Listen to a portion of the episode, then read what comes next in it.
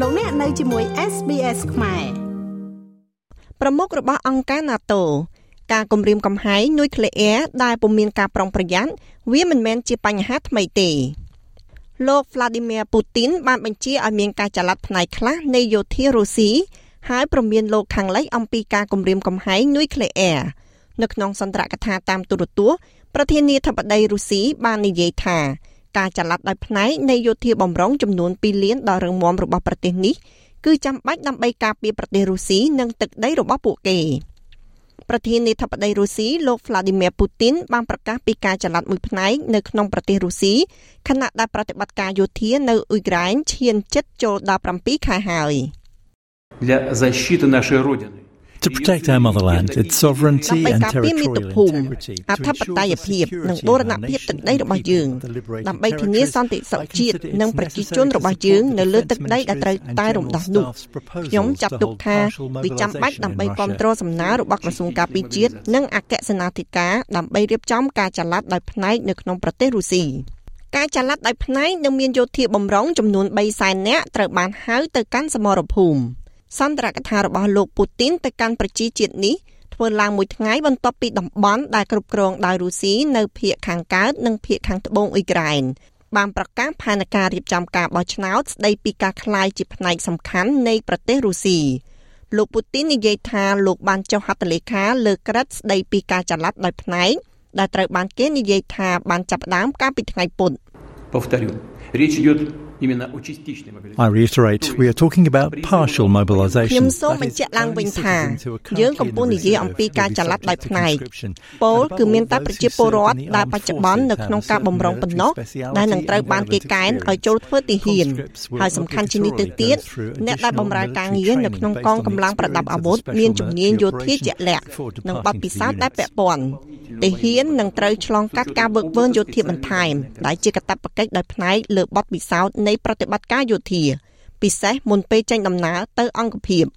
ការបោះឆ្នោតប្រជាមតិដែលត្រូវបានគេរំពឹងថានឹងធ្វើឡើងចាប់តាំងពីខែដំបូងនៃប្រតិបត្តិការនោះនឹងចាប់ផ្ដើមនៅថ្ងៃសុក្រទី23ខែកញ្ញានេះនៅក្នុងតំបន់លូហាន់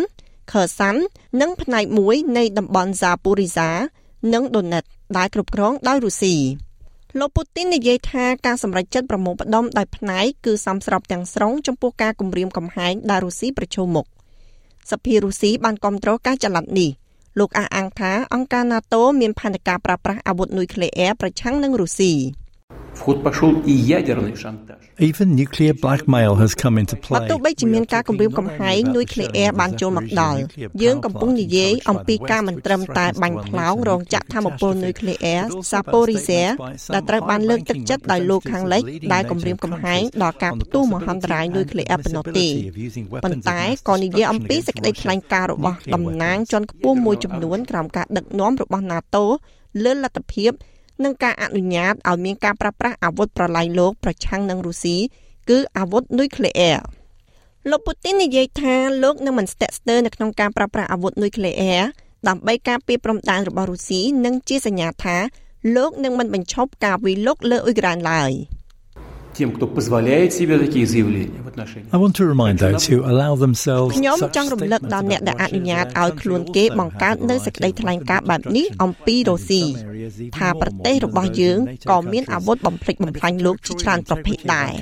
ហើយនៅក្នុងតំបន់ខ្លះថែមទាំងទំនើបជាងបណ្ដាប្រទេស NATO ទៅទៀតហើយប្រសិនបើបូរណភាពទឹកដីនៃប្រទេសយើងត្រូវបានគំរាមកំហែងយើងនឹងប្រើគ្រប់មធ្យោបាយដើម្បីការពាររុស្ស៊ីនិងប្រជាជនរបស់យើងដោយគ្មានសំណួរអ្វីទាំងអស់នេះមិនមែនជាការបំផិតបំភ័យទេថ្លែងទៅកាន់មហាសន្និបាតអង្គការសហប្រជាជាតិកាលពីថ្ងៃពុធ លោកប្រធានាធិបតីโจ Biden បានស្ដីបន្ទោសប្រទេសរុស្ស៊ីចំពោះការគំរាមកំហែងនុយក្លេអ៊ែរកាន់តែខ្លាំងឡើងរបស់ខ្លួនហើយបានប្រមានថាសង្គ្រាមនុយក្លេអ៊ែរមិនអាចមានជ័យជំនះទេហើយក៏មិនត្រូវប្រយុទ្ធដែរ President Putin has made overt nuclear ប្រ threats ធានាធិ against បតី Europe. ពូទីនបានធ្វើការគម្រាមកំហែងនុយក្លេអ៊ែរយ៉ាងលើសលប់ប្រឆាំងនឹងអឺរ៉ុបដោយមិនយកចិត្តទុកដាក់ចំពោះការទទួលខុសត្រូវលើផលប៉ះពាល់នៃការសាយភាយឡើយឥឡូវនេះរុស្ស៊ីកំពុងអំពាវនាវ ដោយហៅទាហានបន្ថែមទៀតឲ្យចូលទៅក្នុងការប្រយុទ្ធហើយវិមានក្រំឡាំងកំពុងរៀបចំប្រជាមតិคล้ายៗដើម្បីព្យាយាមបញ្ចូលផ្នែកនានានៃអ៊ុក្រែន ដែលជាការរំលោភយ៉ាងខ្លាំងចំពោះធម្មនុញ្ញអង្គការសហប្រជាជាតិពិភពលោកនេះគួរតែឃើញទង្វើដ៏សាហាវទាំងនេះសម្រាប់អ្វីដែលពួកគេកំពុងធ្វើលោកពូទីនអះអាងថា លោកត្រូវតែធ្វើសកម្មភាពព្រោះរុស្ស៊ីរងការគំរាមកំហែងប៉ុន្តែគ្មាននរណាម្នាក់គំរាមកំហែងរុស្ស៊ីទេហើយគ្មាននរណាក្រៅពីរុស្ស៊ីជាអ្នកបង្កើតចំនួននោះទេ សង្គ្រាមនុយក្លេអ៊ែរមិនអាចឈ្នះបានទេហើយក៏មិនត្រូវប្រយុទ្ធដែរលោកโจ Biden ក៏បានសន្យាផ្ដល់ជំនួយចំនួន2.9ពាន់លានដុល្លារផ្សេងទៀតសម្រាប់អ៊ុយក្រែនផងដែរ Today I'm announcing another 2.9 billion dollars. ថ្ងៃនេះខ្ញុំបានប្រកាសអំពីជំនួយចំនួន2.9ពាន់លានដុល្លារអាមេរិកផ្សេងទៀតសម្រាប់ជំនួយមនុស្សធម៌និងសន្តិសុខស្បៀងនៅក្នុងការសង្គ្រោះជីវិតសម្រាប់ឆ្នាំនេះប្រទេសរុស្ស៊ីកំពុងលុបបំបាត់ការភូតកុហកដោយព្យាយាមអន្តោសចំពោះវិបត្តិនេះវិបត្តិស្បៀងអាហារ លើទណ្ឌកម្មដែលដាក់ដោយមនុស្សជាច្រើននៅក្នុងពិភពលោកសម្រាប់ការឈ្លានពានប្រឆាំងនឹងអ៊ុយក្រែនដូច្នេះខ្ញុំសូមបញ្ជាក់ឲ្យបានច្បាស់លើរឿងមួយចំនួនទណ្ឌកម្មរបស់យើងអនុញ្ញាតយ៉ាងច្បាស់អនុញ្ញាតឲ្យរុស្ស៊ីមានលទ្ធភាពនាំចេញអាហារនិងជីគ្មានដែនកំណត់ឡើយអគ្គលេខាធិការអង្គការ NATO លោក Jean Scotlandberg មានប្រសាសន៍ថាការគម្រាមកំហែងនុយក្លេអ៊ែរទោះបីជាមានការប្រុងប្រយ័ត្ននិងគ្រោះថ្នាក់វាមិនមែនជារឿងថ្មីទេ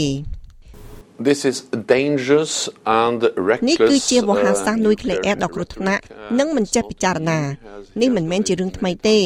គាត់បានធ្វើវាជាច្រើនដងពីមុនមកគាត់ដឹងយ៉ាងច្បាស់ថាសង្គ្រាមនុយក្លេអ៊ែរមិនគួរត្រូវបានវិតប់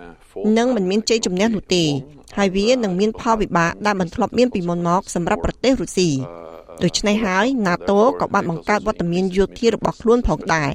ជាពិសេសនៅតំបន់ភាគខាងកើតនៃសម្ព័ន្ធមិត្តដើម្បីដកចេញនៅការកណនីខុសនិងការយល់ខុសនៅក្នុងទីក្រុងមូស្គូលោកបន្ថែមថារុស្ស៊ីនឹងមិនឈ្នះនៅក្នុងសង្គ្រាមនុយក្លេអ៊ែរទេ we will make sure that there is យើងនឹងធ្វើឲ្យប្រកាសថាมันមានការយល់ច្រឡំនៅក្នុងទីក្រុងមូស្គូអំពីភាពធ្ងន់ធ្ងរនៃការប្រើប្រាស់អាវុធនុយក្លេអ៊ែរនោះទេពិតប្រាកដណាស់ថាតើយើងនឹងប្រតិកម្មយ៉ាងណាអាស្រ័យទៅលើស្ថានភាពបែបណានិងប្រើប្រភេទអាវុធប្រភេទណាដែលពួកគេអាចប្រើអ្វីដែលសំខាន់បំផុតនោះគឺការការពារកុំឲ្យវាកើតឡើងហើយនោះជាហេតុដែលធ្វើឲ្យយើងមានភាពច្បាស់លាស់នៅក្នុងការទំនាក់ទំនងរបស់យើងជាមួយនឹងរុស្ស៊ីអំពីផលវិបាកដែលមិនធ្លាប់មានពីមុនមក អំពីការពិតដែលថាសង្គ្រាមនុយក្លេអ៊ែរមិនអាចឈ្នះដោយរុស្ស៊ីទេ លោកខេគីលទីប្រឹក្សាជាន់ខ្ពស់នៃកម្មវិធី Chanta House នៃប្រទេសរុស្ស៊ីនិង Eurasian មានប្រសាសន៍ថាការគម្រាមកំហែងនុយក្លេអ៊ែររបស់ពូទីនគឺជាសញ្ញានៃភាពអស់សង្ឃឹម។ Certainly President Putin would like us to think ប្រកាសណាស់ប្រធានាធិបតីពូទីនចង់ឲ្យយើងគិតថា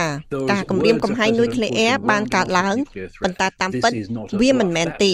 ពាក្យទាំងអស់នេះរបស់ប្រធានាធិបតីពូទីនជំវិញការគម្រាមកំហែងនុយក្លេអ៊ែររបស់គាត់នេះមិនមែនជាការនិយាយកុហកទេ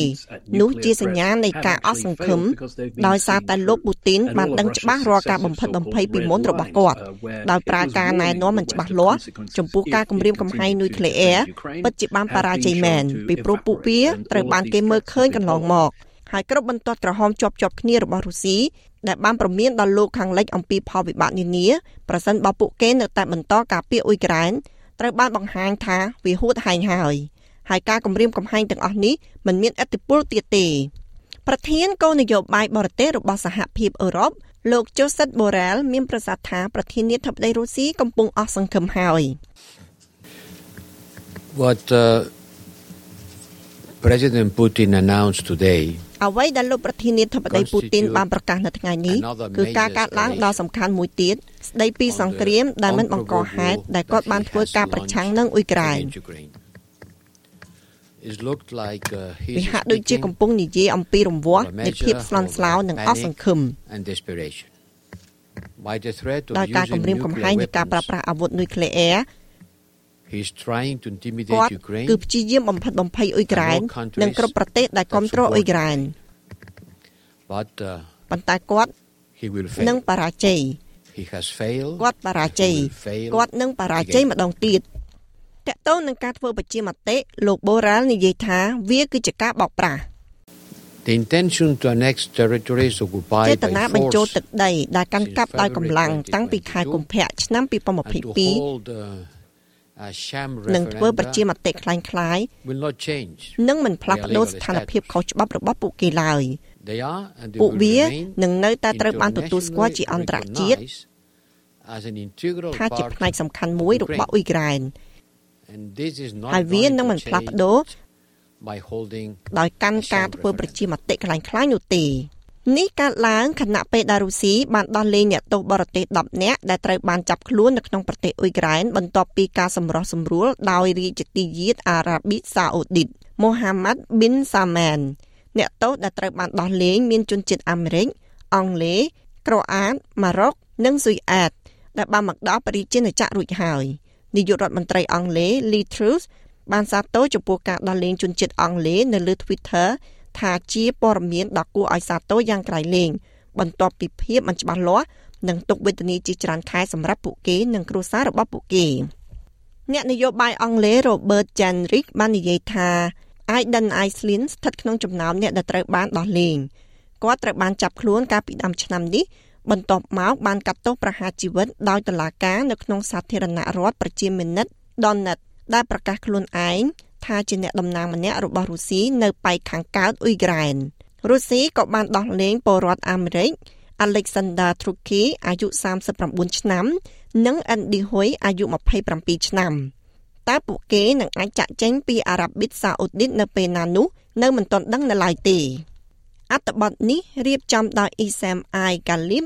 និង ប្រែសម្រួលដោយនាងខ្ញុំឡៅដានីសម្រាប់ការផ្សាយរបស់ SBS ខ្មែរ ចង់ស្ដាប់រឿងក្រៅបែបនេះបន្ថែមទៀតទេ